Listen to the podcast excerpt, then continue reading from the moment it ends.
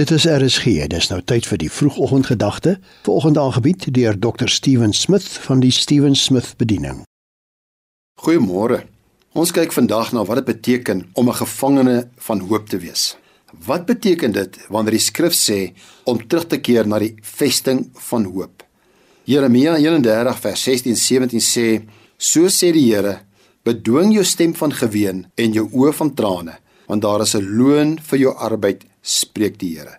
Ja, daar is verwagting vir jou nakommelinge, spreek die Here. En die kinders sal terugkom na hulle grondgebied. En dan in die Nuwe Testament sê in Hebreërs 11:1, die geloof dan is 'n vaste vertroue op die dinge wat ons hoop, 'n bewys van die dinge wat ons nie sien nie. Die woord sê ook dat geen ding sal by God onmoontlik wees nie. Deur te beset moet jy ook glo dat by God sal niks onmoontlik wees nie. As ons dit net kan glo, hoe anders sou ons lewens tog wees? Van geboorte af is ons gekondisioneer om ons beperkings te ken. Soos ons groot word, is dit eintlik 'n teken van sogenaamde volwassenheid om ons beperkings te ken en te leer om binne hulle te leef.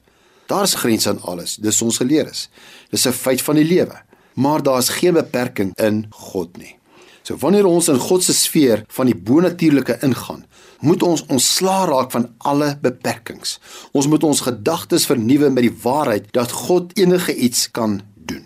Ons het 'n onsagwekkende God wie se krag so groot is dat ons dit nie eens kan begryp nie.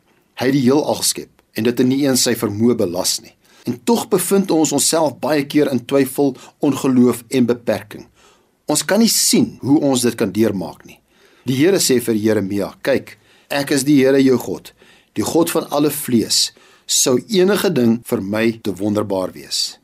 Die antwoord is 'n klinkende nee. Die enigste ding wat God beperk is ongeloof.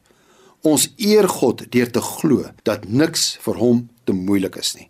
Abraham het teen hoop op hoop geglo, sê Romeine.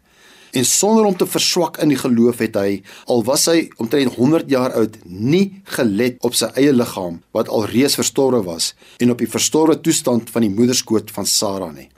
En hy het nie deur ongeloof aan die belofte van God getwyfel nie. Maar hy is versterk deur die geloof en het aan God die eer gegee. Hê hoop in jou 2023 boot. Kom ons doen weer hierdie verklaring saam. Ek leef deur die geloof en deur die geloof in die seun van God wat my liefhet en homself vir my gegee het. Ek ervaar die volheid van bonatuurlike guns wat God vir my bestem het. Amen. Dit was die vroegoggendgedagte hier op RSG, aangebied deur Dr. Steven Smith van die Steven Smith Bediening.